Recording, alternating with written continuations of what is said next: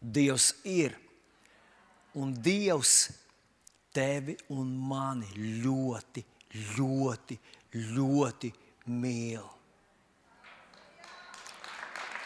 Jā.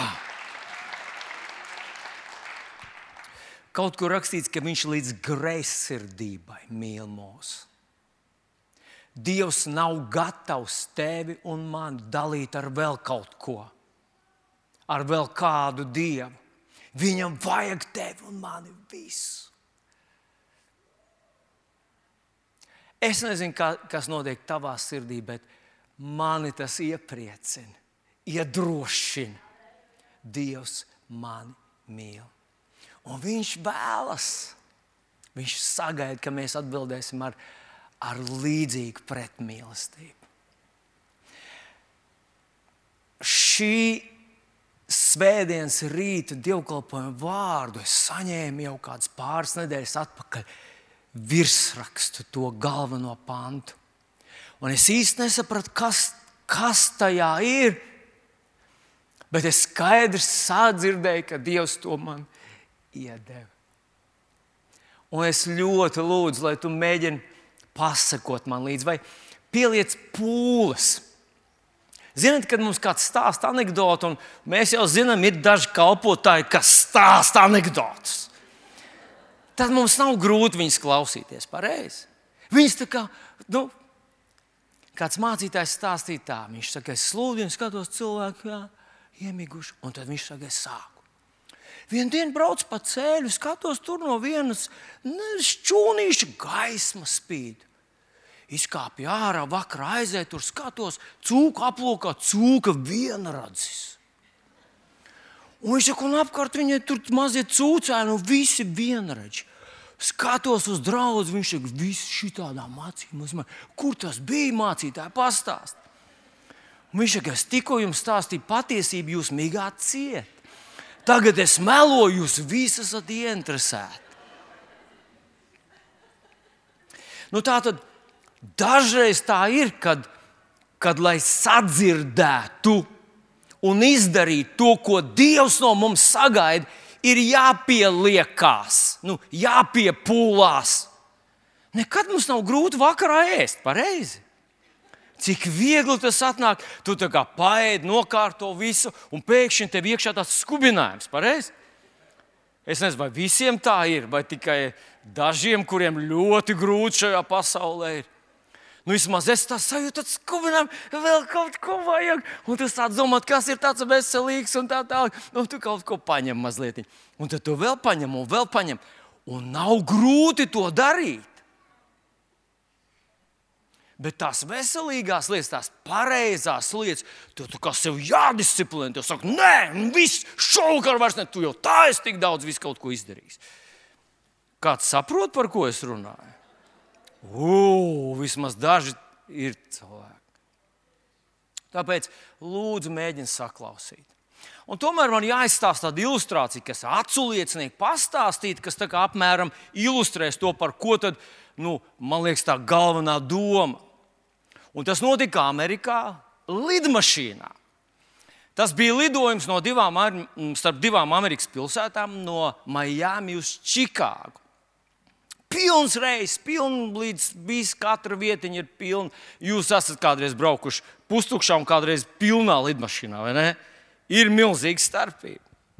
Nu, lūk, starp visiem tiem pasažieriem bija arī kāds neliels auguma māziņš, tāds puika ļoti enerģisks puika.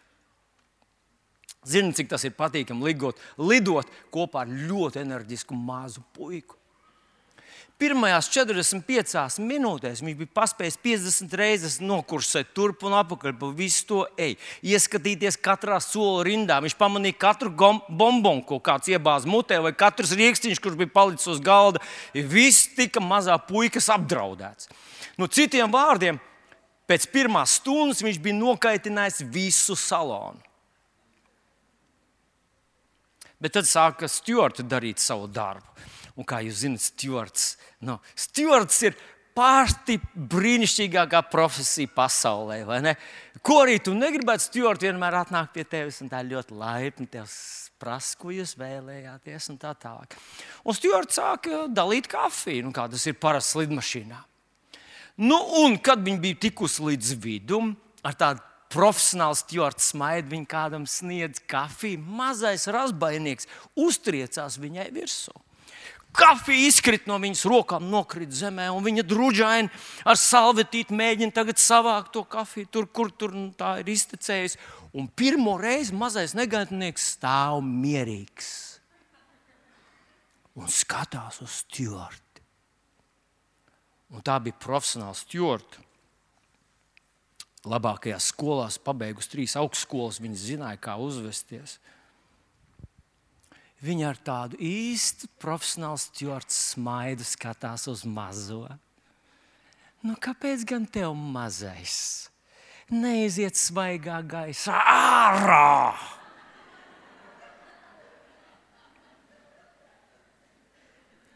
Nu, tas bija lidmašīnā, jūs atceraties. Un, un es tā pie sevis domāju, mēs, es, mēs esam ļoti dažādi ticīgie. Mēs esam tādi, tādi temperamentīgi un ir tādi nu, mierīgāki, flegmatiskāki cilvēki. Ir ļoti mērķtiecīgi un ir galīgi tādi nemērķtiecīgi. Ir disciplinēti un ir tādi, kas, kas vispār ar disciplīnu. Nu, Viņi nezina, kas tā ir un, un sastapsies ar to tikai debesīs. Mēs esam visi visādi. Bet jūs zināt, tad, kad mēs izkāpjam ārpus Kunga Jēzus Kristus, mēs esam vēsture. Mēs esam pagātne, mēs esam bijušie ekskristieši. Ko nozīmē izkāpt ārpus kunga Jēzus Kristus? Tas nozīmē sākt domāt, ka tu vari kaut ko izdarīt tādu, kas liktu Dievam tevi vairāk mīlēt, vairāk svētīt, būt pret tevi iecietīgākam un tā tālāk viss tas nopelns, kāpēc mēs vispār varam nākt pie Dieva, ir Kunga Jēzu Kristu. Un tas mūsu uzdevums, ja mums kaut kas pietrūks, un es no šejienes tās pārskatot, jūs visu redzu, absolūti katram no mums kaut kas pietrūks. Tad tas, kas pietrūks, ir tas, ko tu neesi ieraudzījis Kungā Jēzu Kristu. Un mums tas būtu jāmēģina, jācenšas, jāpieliekas, lai mēs viņā to atrastu, saskatītu un pieņemtu. Mīļais draugs, tā rakstvietiņa, ko Dievs man iedeva, un tas ir tas virsraksts, kurā es gribētu palikt, bet mēs izlasīsim vairākus pants, jo es gribu, lai tu pamani tur arī, ko Jēzus saka, ir uzrakstīti Jāņa Evanģelijā 16. nodaļā, no 12. un pāris pantus uz priekšu. Tātad Jāņa Evanģelijas 16. nodaļa no 12. panta. Jēzus to saka saviem mācekļiem, kas ar viņu staigāja trīs ar pus gadus. No rīta un vakarā, visu diennakti viņi ir ar viņu. Citiem vārdiem, tas ir pielīdzināms tādam kristietim, kuram ir kāds, kāds gadu 15, 20 gadu stāsts kristietībā. Un nu Jēzus uzrunā šos te, uh, savus mācekļus ar šādiem vārdiem. Paklausieties! Vēl daudz kas man jums sakāms. Jūs to tagad vēl nespējat nest. Bet, kad nāks viņš, patiesības gars, tas jūs vadīs visā patiesībā, jo viņš nerunās no sevis paša, bet runās to, ko dzirdēs, un darīs zināmas nākamās lietas.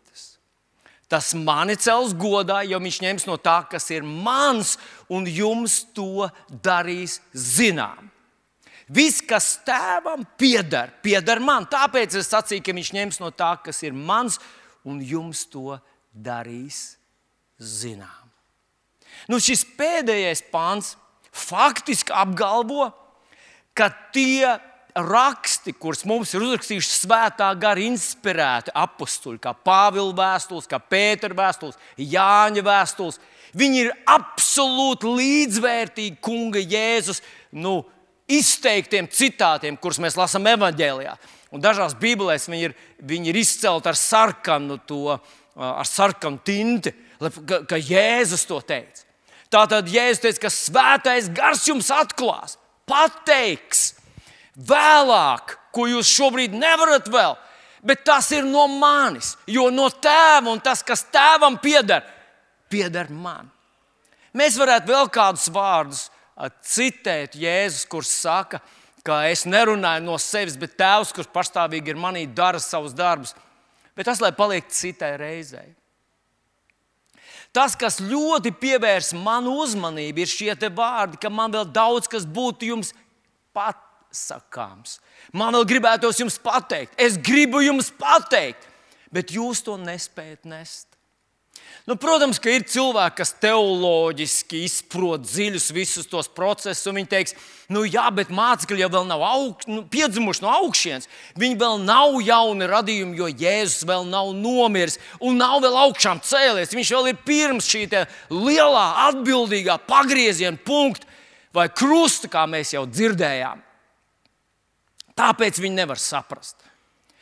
Un Noteikti, ka tur ir milzīga starpība starp cilvēku, kurš nav pieņēmis jēzu vai nav piedzimis no augšas, kuram vienkārši ir interese par reliģiskām lietām, kurš vienkārši ir daudz studējis, lasījis, kuram vienkārši nu, kaut kāda tāda, tāda iedzimta, kaut kāda izpratne, tāda garīga, tāda, nu, tāda uh, plaša sapratne par tām lietām.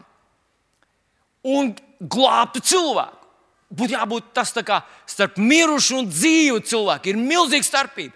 No malas izskatās vienādi, bet pēc būtības tur nekā kopēja nav vairs.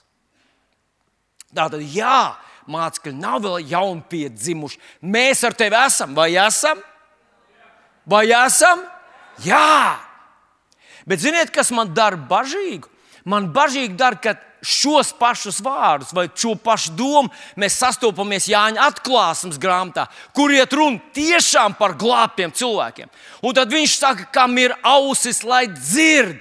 Ko Gars saka draudzēm. Un tas ļoti rezonē ar tiem vārdiem, kurus Jēzus kādā vietiņā viņš arī saka, jūs redz, dzirdat, bet nesaprotat, redzat, bet neredzat, un neatgriežaties, lai jūs nesaņemtu.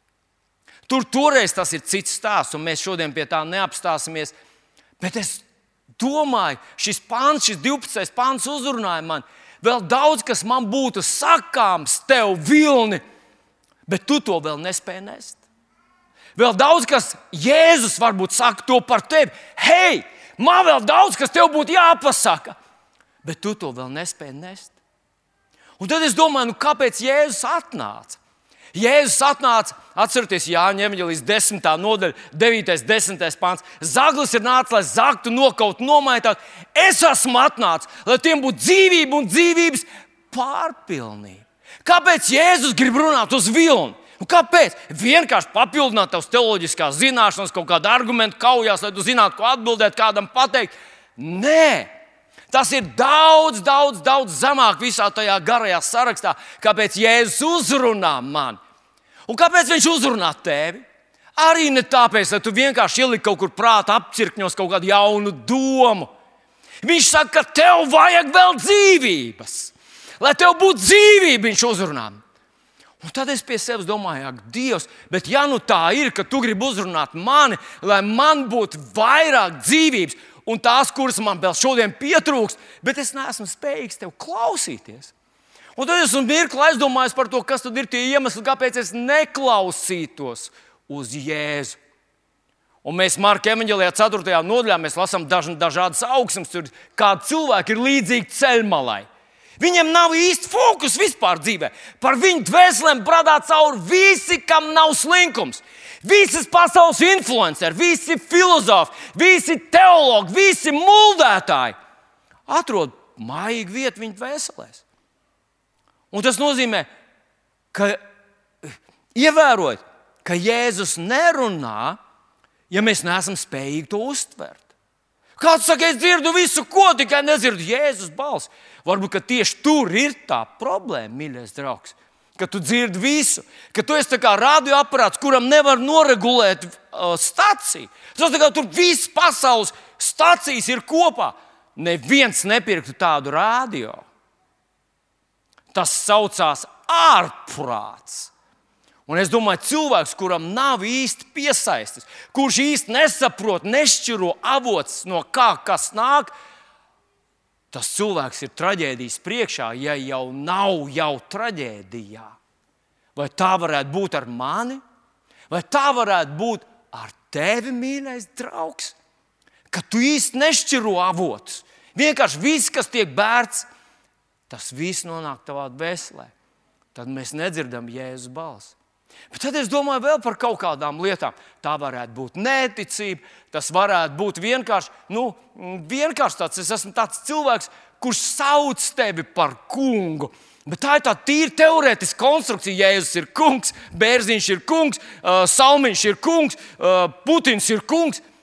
Viss visapkārt ir kungi. Nu, jā, jā, es ticu Jēzum, bet nav tā, ka viņš ir, nu, viņš ir galvenais manā dzīvē. Nu, tad skaidrs, ka tev jādzird arī, ko visi citi kungi saka. Tas varbūt sasaucas ar to iepriekšējo domu. Bet tad man radās vēl kāda doma, ka, ziniet, no bērnības, un kaut kā mēs ar jums esam dzīvojuši tādā laikā, un es mēģinātu mm, censtos pateikt to skaidri. Mēs, dzīvo, mēs dzīvojam šobrīd tādā laikā, kad mēs gribam, lai visi mūs uzteic mūsu valdība, tie, kas grib tikt ievēlēti, viņi sola mums to, ko mēs gribam dzirdēt. Pareizi. Atcerieties, bija tas klasiķis, kurš saka, nu, kā var nesolīt to, ko vēlētājs grib dzirdēt. Man tas ir jāsola, kā tad savādāk. Tā ir tāda savstarpēji tāda, nu, tāda mānīšana, es tev, tu mani, ja? un, un tā tālāk. Es tev apsolu, tu man ievēli, un, un tā mēs dzīvojam. Mēs saviem bērniem sakām, ka viņi ir labākie, labākie, labākie, labākie. labākie. Un atcerieties, bija te atskrējuši no beztabū vienreiz, ka kaut kur bija izlasījuši mūsu mājaslapā, ka mēs atzīstam kaut kādu korekciju, ka bērnam, kad ir pateikti trīs brīdinājumi, tad kas ir ceturtais? Nu, atkal sākās no pirmā brīdinājuma, atkal sākās pirmais brīdinājums, tad ir otrais brīdinājums, un trešais. Un, ja, ja viņš neklausās trešo reizi, tad mēs atkal sākam atkal no sākuma. Pareiz. Ko citu mēs varam darīt? Un mēs šobrīd dzīvojam tā, mēs gribam, lai viss paiet. Mēs atnākam uz divkalpojumu, mācītājiem, kas ir jāsludina, lai es labi. Ko lai es labi? Jūtos. Jā, lūdzu, man tādas prediķis, lai es labi jūtos. Jā, Dievs redz, kāda man apstākļi šobrīd. Jā, es guļu lūkšanas laikā, bet es guļu tik patiesi. Kā mēs gribam, lai Jēzus tā sacītu Pēterim, ja Pēters ģedzimāns dārzā es redzēju, cik patiesi jūs bijāt aizmiguši. Jūs vismaz nebijāt liekuļi. Es gribētu teikt, man daudz simpātiskāks cilvēks ir, kurš lūkšanās cīnās ar savu miegu, klūpu un krīt, veļās un ceļās un cenšas, nekā kāds, kurš ieritinājies, apsedzies un saldi čuči. Bet patiesi. Mēs neesam pieraduši, ka Jēzus kaut kur kaut ko korģē un saka, tā nav pareizi, tā nevar, šis nedara. Varbūt tāpēc mēs vairs negribam viņu klausīties. Mēs gribam kādu, kas tā kā saka, hei, es dzirdēju kādu interviju, un, un tas cilvēks teica, hei, man patīk tā doma, tā doma ka tu pats rādi savu reliģiju. Kā tu jūti? Tas vārds jūtos. Es jūtos, es ziedoju. Es jūtos, es neziedoju. Es jūtos, mīlu. Nejūtos, nenāku. Es, es jūtos. Ah, es esmu jūtas. Mans vārds ir jūtas. Uzmanīgi ar manīm es esmu jūtas. Neskariet manīm, jo, ja es jutīšu, jūs dabūsiet trūkties. Iedomājieties, kas par, kas par unikālu reliģiju, ko. Ja tu tā jūties, tad tas ir pareizi. Un šobrīd reklāmā kaut kur es pat dzirdēju, ja tu tā jūties, tad tas ir reāli. Ot kāds sēž mājās šobrīd čībās, un viņš varbūt ir 15 minūšu braucienā no šiem, bet viņš jūtās labi. Šis ir tāds posms manā dzīvē. Es jūtu, man jābrauc uz mežu. elpot svaigu gaisu. Es jūtu šobrīd, nu, es par tevi to tu, tu jūti. Ja? Es tā centos rādīt uz kādu citu, bet es īstenībā par tevi, mīļais draugs. Varbūt tāpēc tu vairs negribi lasīt Bībelīti, jo brīžiem tas brauc tev virsū, tas pārmet tev, saka, tu esi slings palicis, tu esi vienaldzīgs palicis, tu esi pazaudējis savu pirmo mīlestību. Dievs, priecājos, ka es vispār mīlu kādu. Kāds es biju suņu nagla, kad es nemīlēju nevienu. Es vismaz kādu mīlu. Nu, tātad, kā jūs saprotat, es negribēju šajā rītā runāt par to, kāpēc kāds nav gatavs klausīties Jēzus vārds. Bet es gribēju šodien trīs iemeslus runāt par to, kāpēc mēs ar tevi centīsimies no savas puses darīt visu, lai mēs dzirdētu viņu, lai paliktu viņa klausītāju lokā, lai mēs nepazaudētu viņu no savu fokusu. Kāpēc Jēzus ir svarīgāks par maizīti? Kāpēc viņš ir svarīgāks par mieru, par mierīgām debesīm virs galvas? Kāpēc Jēzus ir svarīgāks par naudu makā? Kāpēc Jēzus, Jēzus, Jēzus un vēlreiz Jēzus ir pats svarīgākais tev un man? Un no, es gribētu, lai tu sadzirdi šīs trīs, pavisam trīs vienkāršas lietiņas. Un tā pirmā lieta, ka palikt Jēzu un klausīties Jēzu ir gudri. Tas ir gudrākais, ko tu vari izdarīt, gudrākais, ko tu vari darīt. Tā ir gudrības pazīme. Tu esi gudrs cilvēks. Ja tu esi palicis uzmanīgs un, un dedzīgs un atvērts un izslāpis pret Jēzus vārdiem. Un es gribu atgādināt pāris raksturvietiņas. Pirmā no tām ir Mateja 24, 35, kur Jēzus saka tādus vārdus: paklausies, debesis un zeme zudīs, mani vārdi nekad nezudīs. Iedomājieties, ja tava dzīve ir būvēta uz Dieva vārdu principu. Ja tas, ko viņš saka, ir pareizi, tā tu dari. Ja tas, ko viņš saka, ir nepareizi, tu centies no tā visiem spēkiem izvairīties. Ja tu meklē viņa gribu un centies izdarīt viņa prātu, Huh. Tu dari kaut ko, kas ir mūžīgs. Debesis un zeme zudīs, mani vārdi nekad nezudīs. Mēs jau zinām, ka ir bijušas dažne, dažādas filozofijas, teorijas, dažādas zinātnes, uh, nu, zinātnes teorijas, visādas medicīnas paņēmienu, metodas, un mācības un audzināšanas mācības, kas ir dramatiski izmainījušās viena cilvēka dzīves laikā. Vienīgais, kas nekad nemainīsies, šajā relativitātes laikmetā, kad cilvēkiem vispār nav absolūta vērtība, Nav nekas tāds, kas ir pareizs, vai, vai krievi valda, vai amerikāņu valda, vai padomu impērija, vai, vai sociālisms, vai kapitālisms. Kaut kas, kas ir pareizs visos laikos. Šodien vairs cilvēkiem pasaulē vispār nekā tāda nav. Viss ir relatīvs, viss ir atkarīgs no situācijas, no konteksta, no, no, no interpretācijas. Neviena normāla filma šodien vairs nav krimiķis. Es domāju, nav bez tā, ka kādu pagalam blēdi, pagalam slepkavu, pagalam neģēli tiesas zālē attaisno. Vai ne? Tas viss vienkārši kaut ir kāds, kurš apsūdz ļaundaris, atnāk uz tiesas zāli un tiesā izmantojot dažādas juridiskas finnes un paņēmienus, viņu attaisno. Citiem vārdiem, vairs nav tāds viennozīmīgi kaut kas, kas ir pareizs un nepareizs. Tad tu tā dzīvot nevari tad vispār mēs esam dūņās, mēs esam purvā. Tad mēs vispār nesaprotam, kas ir labs un kas nav labs. Tad atliek tikai tā metode, jau manas piesauktā metode, jūtos.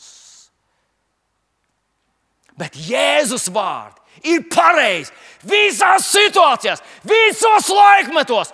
Un kad beigsies šī fiziskā zemes dzīve, mēs konstatēsim, ka viņa vārdi Dieva vārdi, Dieva principi ir pareizi mūžīgi.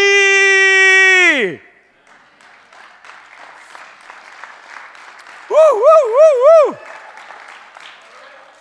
Debesis un zeme zudīs, man vārdi nekad nezudīs. Ja es, un es gribu atgādināt vēl vienu ļoti stipru pantu. Tas ir 111. psalms, 10. pāns. Un paklausies, kas tur rakstīts.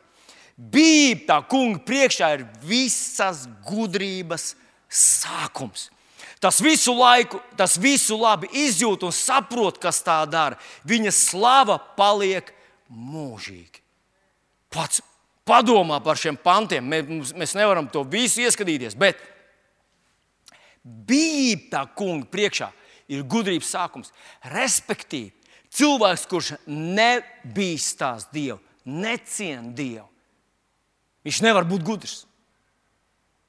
Viņš var būt pabeidzis augstskolas, aizstāvējis grādus, viņš var būt uzrakstījis diplomu darbus. Viņš var būt ļoti cienījams un viss klanā saka, no kuras augstskolas viņš nāk. Bet, ja viņš nebīstās Dievu, vai kā kādā citā vietā psalmos rakstīts, ka muļķis saka savā sirdī, Dieva nav. Varbūt šī pasaule domā, ka tas cilvēks ir, uu, viņš ir ļoti izglītots cilvēks. Bet salīdzinājumā ar dieva standartiem viņš ir muļķis, jo nav sapratis pašas svarīgākās lietas šajā pasaulē. Cilvēks, kurš respektē Dievu. Atcerieties, ka jauni kristieši dalās tikai divās grupās - gudrās jaunavas. Kas ir gudrās jaunavas? Tie, kas bīstās Dievu, kas respektē Dievu, priekš kuriem Jēzus nav vienkārši viens no avotiem, viens no autoritātiem. Jēzus ir augstākais un vienīgais. Halleluja!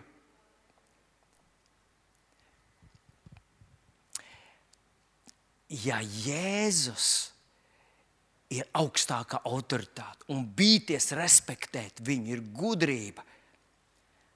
Tad cilvēks, kurš uzbūvē savu dzīvi uz šī dieva principa, ir gudrs cilvēks. Tā darīt ir gudri. Es gribu tev atgādināt, ka cilvēka dzīve ir divas daļas, tikai divas daļas. Pirmā daļa ir ārkārtīgi īsa. Pat ja tu varētu nodzīvot 120 gadu, kā es dzirdēju, ka pēdējā mm, kaut kad, kaut kad iepriekšējā nedēļā, man liekas, aizgāja mūžībā, um, varbūt es jaucu, es kādreiz tos cipariņus druskuļi sajūtu, varbūt bija virs 120. Bet tā tad viens ilgadējs cilvēks nodzīvo garu, garu mūžu. 120 gadu. Nu, Es domāju, ja mēs parunātu ar to cilvēku, nu, vai tad tiešām tev ir apnicis dzīvot 120 gadu? Es domāju, viņš teikt, ka pats pagāja, nemanīja, kā pagāja. Nu, es tuvojos pusē no šī termiņa, un es nezinu, kā tas notiek. Es nu pat biju jaunākais, es nu pat biju, es brīžiem jūtu kopā. Es nezinu, varbūt es esmu unikāls ar šo slikto laiku izjūtu Bet tas, ko es darīju no rīta, man liekas, tas noticis pirms nedēļas, un tas, kas notika pirms 15 gadiem, man liekas, tas pavisam nesen notika. Nesen es mācījos skolā, nesen mācījos medicīnas skolā. Pavisam nesen es biju armijā. Nāk kaut kādas svaigas atmiņas par armijas laiku, kur es tur biju un kā tas viss tur notika. Varbūt, ka nevienam citam tas tā nav. Bet man tiešām par manu dzīvi man jāsaka, tā steidzās ar tādu fenomenālu ātrumu, ka es nespēju izbaudīt dienas. Kaut kā tas kā tajā pasakā, ka ēdu un dzēru, gar malām lībe iekšā netrāpīja nekas. Kaut kā tu dzīvo, un, un kaut kas dzīvo, un kaut kas to īsti to dzīvi neizbauda. Un es gribētu dzīvot dzīvi, kas būs pareiza arī tajā bezgalīgi nebeidzamajā garajā posmā. Šis bezgalīgi īsais sākuma posms nosaka, kāds būs tas nebeidzamais otrs posms. Šis bezgalīgi īsais posms ir, kad mēs pieņemam lēmumu, kas ar mums notiks bezgalīgi garajā. Šis ir ļoti atbildīgs posms. Īsnībā, ja mēs saprastu visas šīs īsās zemes dzīves atbildības un nozīmes, to, to potenciālu, iespējams, ka mēs vispār dzīvotu ar tādu milzīgu atbildību, vadīt savas dienas. Mēs skaitītu dienas, burtiski kā Bībele saka, skaiti savas dienas, jo katrai no viņām ir milzīga ietekme uz tevi pašu un uz tavu mūžību. Atcerieties, Jēzus teica, ka dariet sev draugus šeit ar šīm neīstām, paejošām lietām. Tas jūs ietekmēs mūžīgi. Bet kaut kas mums visu laiku liek neņemt vērā to. Un tā vietā justies labāk, labi šeit. Labāk nu, nu, tā kā, tā kā uzskatīt, ka beigsies tūlīt viss pēc 120 gadiem. Un 120 būs rētam kādam. Tā tad es gribu dzīvot savu dzīvi tā, tas visu labi izjūt un saprot. Tas, kas bīstās Dievu, visu labi izjūt un saprot psalmis. Es gribu dzīvot gudri savu dzīvi, es gribu klausīties uzmanīgi Jēzus vārdus. Un es ļoti ceru, ka arī tu dari tāpat. Mans otrais iemesls, kāpēc es gribu, un tu gribi klausīties uz Jēzus viņa vārdiem, ir, ka tev vēl ir jādzīvo. Saka, man vēl ir jādzīvo.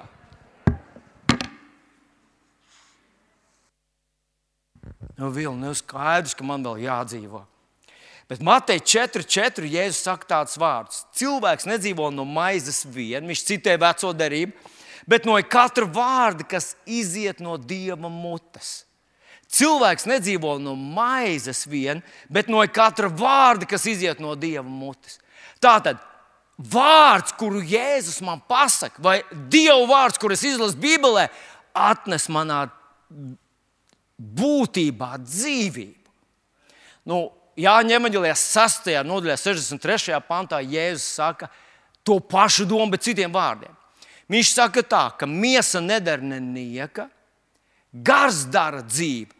Vārdus, kurus es jums runāju, ir gars un dzīvība. Vārdi, kurus es jums runāju, ir gars un dzīvība. Tas nozīmē, mīļie draugi, pa, pa, paskatieties uz otru pusi. Tas nozīmē, ja es klausos vārdus, kurus nerunā Jēzus, bet pieņemsim, ka tos runā mēlis. Šīs pasaules lielākais mēlis, kas piemīl visu pasauli, piemīl, inte, piemīl inteliģentu un vienkāršo tautu, piemīl skaistos un nesmukos, piemīl jaunos un vecos politiķus un, un tā tālāk. Un tā tālāk. Bībeli saka, viņš ir viss pasaules pievīlēs. Katram viņš prot atrast savu pieeju tā, ka mēs uzķeramies. Nu, varbūt jūs arī nesen dzirdējāt, ka tie hakeri, kas zvana cilvēkiem, ir izkrāpuši šajā mēnesī, un tad tur policijas kaut kāds apkopojums - vienu miljonu, divus miljonus, desmit miljonus no Latvijas iedzīvotājiem. Un mēs ar tevi domājam, kas tie par dundukiem, kuriem zvana, un viņi nosauc visus tos kodus, visu savu internetu banku, visu vēl, vēl saka, priekšā vēl zvana. Atzvaniet, ja jums kaut kas nesanāk. Kas tie par cilvēkiem? Tie ir tādi paši kā tu un es, kas domā, ir gana gudri, ar gana tādu lielu izmaiņu, gana piesardzīgi. Vēlams nav šis interneta hackers. Viņš ir daudz izsmalcinātāks, daudz pieredzējušāks, daudz gudrāks mēlis. Un viņš spēja pievilkt visus. Bet, ja es klausos viņa vārdus, tas manā dvēselē atnes ko? Ko tas atnes? Nāvi. Ja Jēzus vārds atnes dzīvību, viņa vārds atnes melus. Paklausieties, pēdējais laiks, Jēzus saka, tas raksturojas ar meliem. Viņš teica, sargieties, ka jūs nepieviļat. Visa pasaule tiks pievilkta. Šodien ir tik daudz melu. Kā jūs domājat, kāpēc? Psihologiem un psihiatriem un visiem tiem, kas labo cilvēku dvēseles, viņiem šodien ir tik daudz darba. Varbūt tas ir tāpēc, ka mēs dzīvojam tik daudzos melos, mēs dzirdam tik daudz nāves vārdu, ka mēs vienkārši vairs nespējam atšķirt. Mums liekas, ka tas ir gaiss, ko mēs elpojam. Un tāpēc Jēzus saka, mani vārdi ir gars un dzīvība. Mīļais, mans brāl un māsa, Varbūt, ka tev ir īpaši gudri būtu izslēgt visus tos melu avotus, visus tos, kas tev rada sajūtu, ka tu sako līdzi, ka tu sako līdzi notikumiem Ukrajinā, ka tu zini, kurā raķetē trāpīja, kurā pilsētā, un kas tagad kāds bruņojums tiks piegādāts Ukrajinai. Tev visur jāzina, cik pistols, cik lādiņš, cik uh, granāts un tā tālāk. Varbūt tas tev nepalīdz dzīvot. Es nesaku, ka tie ir meli. Es vienkārši saku, ka tev par maz dzīvības vārdu. Vai tā nevarētu būt? Vai tā nevarētu būt? Tu saki, man ar galvu viss labi. Nu, Gribu teikt, ka tas sākās vienā dienā. Pēkšņi tu vairs sajūti, ka tev nav spēku. Un tad tev atnāk tas, kurš ir pa brīvu visiem, tas konsultants saka, tu esi izdedzis. Izdedzis, tu esi 16 gados, tu esi izdedzis no vientulības, no, no, no tev nav draugu, un tev neviens nesaprot šajā pasaulē, un tā tālāk. Vai varbūt tev ir vairāk gadu? Varbūt tev saka, tā ir depresija. Un tu uzreiz zini, kur jāzvan uz aptieku, kas ir, kas ir interneta aptieka. Gars dara dzīvi. Miesa nedara ne, ne vārdu, ko es jums runāju, ir gars un dzīvība. Bet es aizdomājos par to dzīvību drusku vairāk. Nu, kas ir dzīvība? Dzīvība nav tikai, ka mēs elpojam un ēdam. Dzīvība ir kaut kas, kas Nu, paskatieties, pavasarī, paskatieties uz dabu, kas notiek šobrīd. Kāda arī nebija vasara, kas arī nenotika Ukrajinā. Mazākais zāles stiebiņš lien ārā no vecās zāles. Viņš lien ārā, viņš grib sauli, viņam kaut kas jāizdara, viņam ir uzdevums šajā pasaulē. Un es domāju, dzīvība Jēzus izpratnē. Un paskatieties, kad viņš ie, rāda cilvēku, pirmā ģimene, augļoties un vairoties, piepildat zemi, pakļaujiet sev to. Un es saprotu, ka tas ir misijas uzdevums. Ka Dieva dzīvība, Dieva dzīvība tevī, tev mudina kaut ko izdarīt šajā pasaulē, atstāt kaut kādas pēdas, atstāt kaut kādas sekas. Paklausieties, um, ebrejiem 4.12. rakstīja, jo Dieva vārds ir dzīves un spēcīgs un asāks par katru abēju pušu griezīgu zobenu, spiež dziļi iekšā, līdz kamēr pāršķirt vēseli un garu locekli un smadzenes, un ir domu sirds prāta tiesnes. Ziniet, ko viņš saka? Viņš saka, ka Dieva vārds atdala tevī tās, tās garu un dvēseli. Un es jums pateikšu, kas, kas ka tā dvēsele ir tendēta kā, sadarboties ar miesu, un miesa velk uz leju. Un gars saka, hei! Miesa saka, ah, es jau nevaru, mums jau neizdosies, mēs jau mēģinājām. Gars saka, mēs varam vēlreiz. Tas ir tas, tas dzīvības, tas dzīvības spēks, Bībeli to kādā vietā sauc par ticības spēku, par dieva enerģiju, kas tevi ceļ augšā. Tu vari vēl, tev vēl kaut kas jāizdara, tev vēl kāds jāizglāb, tev vēl kāds jāizved uz debesīm. Miesakies, nē, ar man neizdodas. Bet viņš, un es esmu pamanījis, ka tā kā apelsīns Pāvils saka, ka visu laiku manī notiek šī cīņa. Tas, ko es negribu darīt, to es daru, un to, ko es gribu darīt, tas man neizdodas. Un tad ir šī cīņa. Un faktiski Jēzus vārds, kur viņš teica, miesa nedara neniek, protams, ka tas ir nosacīti runāt, jo mums ir jāuztur savs ķermenis, viņš jābaro un jāsilda un jākopja. Bet viņš saka, cik daudz vairāk dara mani vārdi, kas ir gars un dzīvība. Un es domāju, tāpēc man jādzird Dieva vārdi, lai manī mostās šis evanģēlists, šis misionārs. Es savu rādu pulkā neesmu vienkārši līdzdzīvotājs. Es te starp visiem sēžu pie jūsu galda, tāpēc, ka piedzimu jūsu ģimenē. Nē, tu esi tur misionārs, tu esi tur nolikts. Dievs tev tur ieliks. Viņš grib, lai tu no tās vecās netraucētu man sludināt. Viņš grib, lai tu no tās vecās zāles raucies ārā un saki, hei, ir vēl kaut kas, ir vēl kaut kas svarīgāks. Ir Jēzus, ir glābējs, ir mūžība. Es zinu viņu, es pazīstu viņu. Viņš ierunāja manā sirdī. Un tu to nebeidz darīt. Tu neapstājies. Atnāk ziema, viss nokaust, nav rezultātu, bet nāk pavasars atkal. Un tāpēc es gribu dzirdēt, Jēzus, es gribu dzirdēt tavus vārdus, kurus varbūt es neesmu gatavs šobrīd dzirdēt, bet lūdzu, runā uz maniem caur svēto garu. Jo šajā pasaulē es, man ir kaut kas vēl jāizdara, man vēl ir jādzīvo. Iebiks tam, kurš sēž tev blakus, tev, tev vēl ir jādzīvo, draugs. Tev ir uzdevums šajā pasaulē, tev ir augļi jāatnes. Šis ir otrs iemesls. Pirmkārt, tas ir ļoti gudri. Otrakārt, tev vēl ir jādzīvo. Un es aizdomājos, kas ir trešais iemesls. Kas varētu būt trešais iemesls, kāpēc tu un es mēs paliksim pie Jēzus, mēs klausāmies viņu, mēs gribam dzirdēt, ko viņš teiks. Kas ir tas trešais iemesls? Kā tu domā, kas tas varētu būt?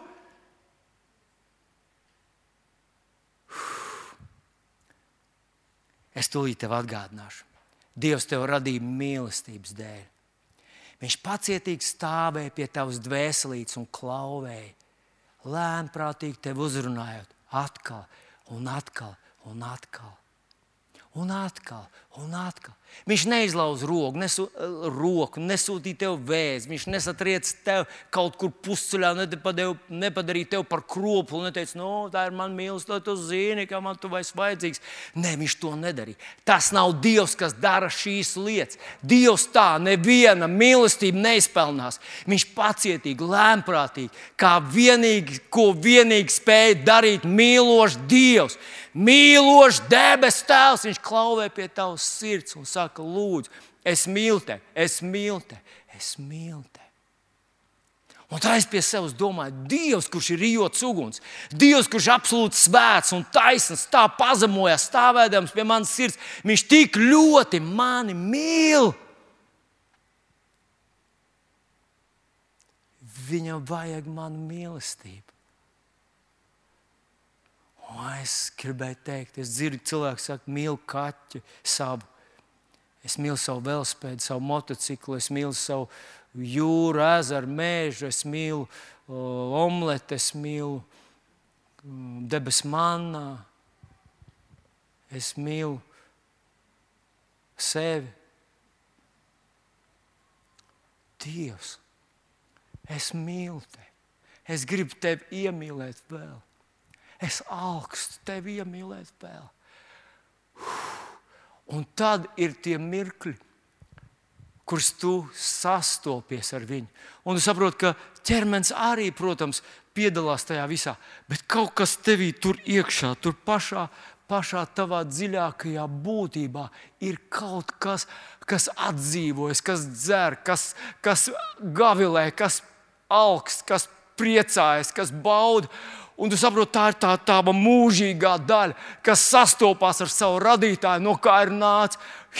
Īsnībā mēs esam izrādījuši, nu, kaut kur rakstīts, tā akas dzīve, no kuras tu esi iz, iz, izraksts. Kad tu sastapsies ar Dievu, tu sastapsies ar kaut ko, kas tev ir tik radniecīgs, tik saprotams, kas tev ir tik ļoti harmonisks, ar ko tu esi tik ļoti sadarīgs.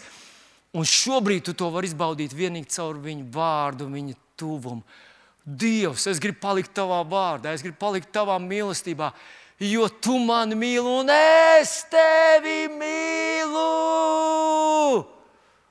Ha! Man tā gribētos kliegt un bļaut. Man gribas teikt, Dievs, es mīlu tevi. Kad Jēzum pajautāja, kas ir svarīgākais bauslis bauslībā, un tur ir virs 400, vis, visādas mūzes baušļos, virs 400 dažādas pavēles. Tur ir visādi, kā rīkoties, kā upurēt, kā ģērbties, nu, ēdienu gatavošana un tā tālāk. Visādi noteikumi. Kas ir svarīgākais? Kāpēc tas viss ir uzrakstīts? Un viņš pirmais, jūs atcerieties, ko teica? Mīl Dievu no visas savas sirds, no visas savas dvēseles, no visas savas dzīves prātu no visas savas spēka. Tas viss uzrakstīts, lai mēs mīlētu Dievu. Huh. Halleluja! Un tad Jēzus to saka Jānis 14, 23. Viņš saka, kas man mīl, tas mans vārdus turēs. Un mans tēvs to mīlēs. Un mēs nāksim pie viņa, ņemsim pie viņa mājas vietu, kas mani nemīl, netur manas vārdus. Mīļais draugs, tas, ko savā dziļākajā būtībā tu vēlēsies, tā mīlestība, ko tu meklē šajā pasaulē, nav atrodama. Viņa ir atrodama Kungā Jēzu Kristu. Tu varbūt esi jauns puisis, meitene, varbūt esi jau vairs neesi tik jauns ko arī tu nesasniedz. Kādreiz, kad mums nav kāda mašīna, mēs domājam, ka mums būs tāda mašīna, tad mēs jutīsimies labi, ka mums būs tāds apaus vai tāda māja, vai mēs aizbrauksim tur, vai redzēsim to, vai nopelnīsim to. Tad mūsos atnāks tas gandarījums. Tas viss ir pilnīgi meli. Jā, es zinu, tu droši vien teiksi to, to sakāmo vārdu, kad jā, jā, es jau zinu, ka tā, bet tā gribas pašam to piedzīvot no to, ka tev ir naudas kalns, bet nav tajā laimes. Bet kā būtu, ja tu to savu dzīvi izmantotu gudrāk? Tu to savu dzīvi, to, kas tev vēl ir atlicis. Katram mums ir kaut kāds termiņš atlicis, kurš šodien palika par dienu īsāks, kopš tu piecēlies šorīt. Ja mēs to izmantotu gudrāk, un mēs nāktu pie Jēzus, te kungs runā, man vajag vēl tavas dzīvības. Kristietis, kurš vairs nedzird Dievu vārdu, kuram vairs neslāpst, kuram pietiek ar, to, ar, ar atmiņām, kā ir ziedots, kā ir darīts, kā ir lūgts. Es vienreiz dzirdēju vienu mācītāju sprediķi, un viss viņa sprediķis bija par to, kā tas bija toreiz.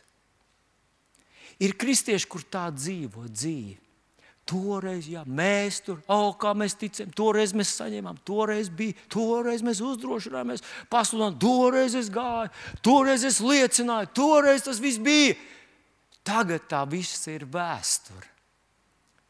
Tas ir skumji. Tas ir skumjāk par skumju.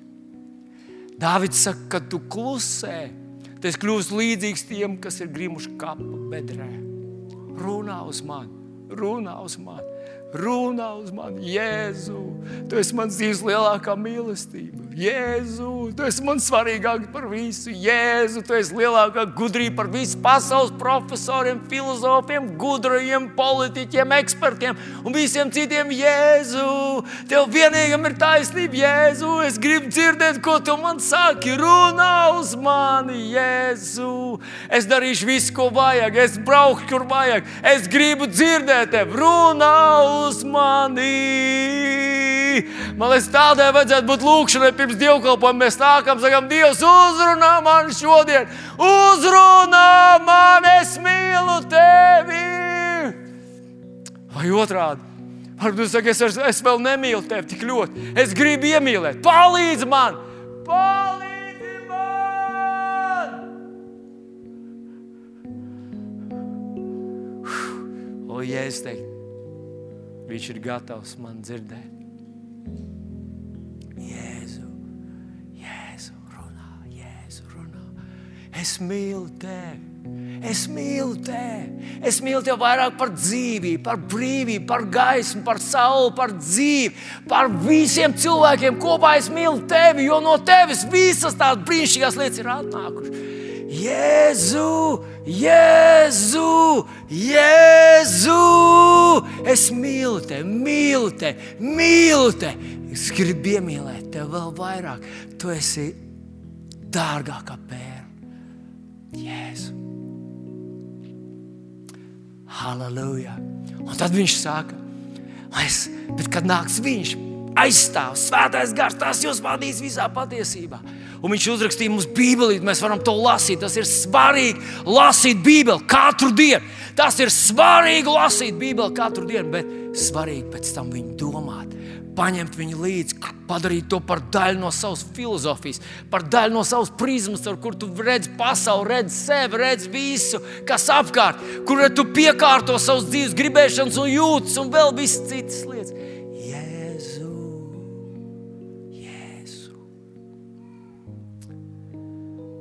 Šajā rītā mēs baudīsim vakarēdienu. Un tas vakarēdienas runā par tām lietām, ko Viņš priekš tevis ir izdarījis. Viņš runā par krustu, un krusts simbolizē visu, ko Viņš priekš tevis ir izdarījis. Bet tas paģēra tavu reakciju uz to visu. Tas pieprasa nevis tavu pasīvu kaut kādu norīšanu, bet pasīvu ticības un mīlestības atbildību.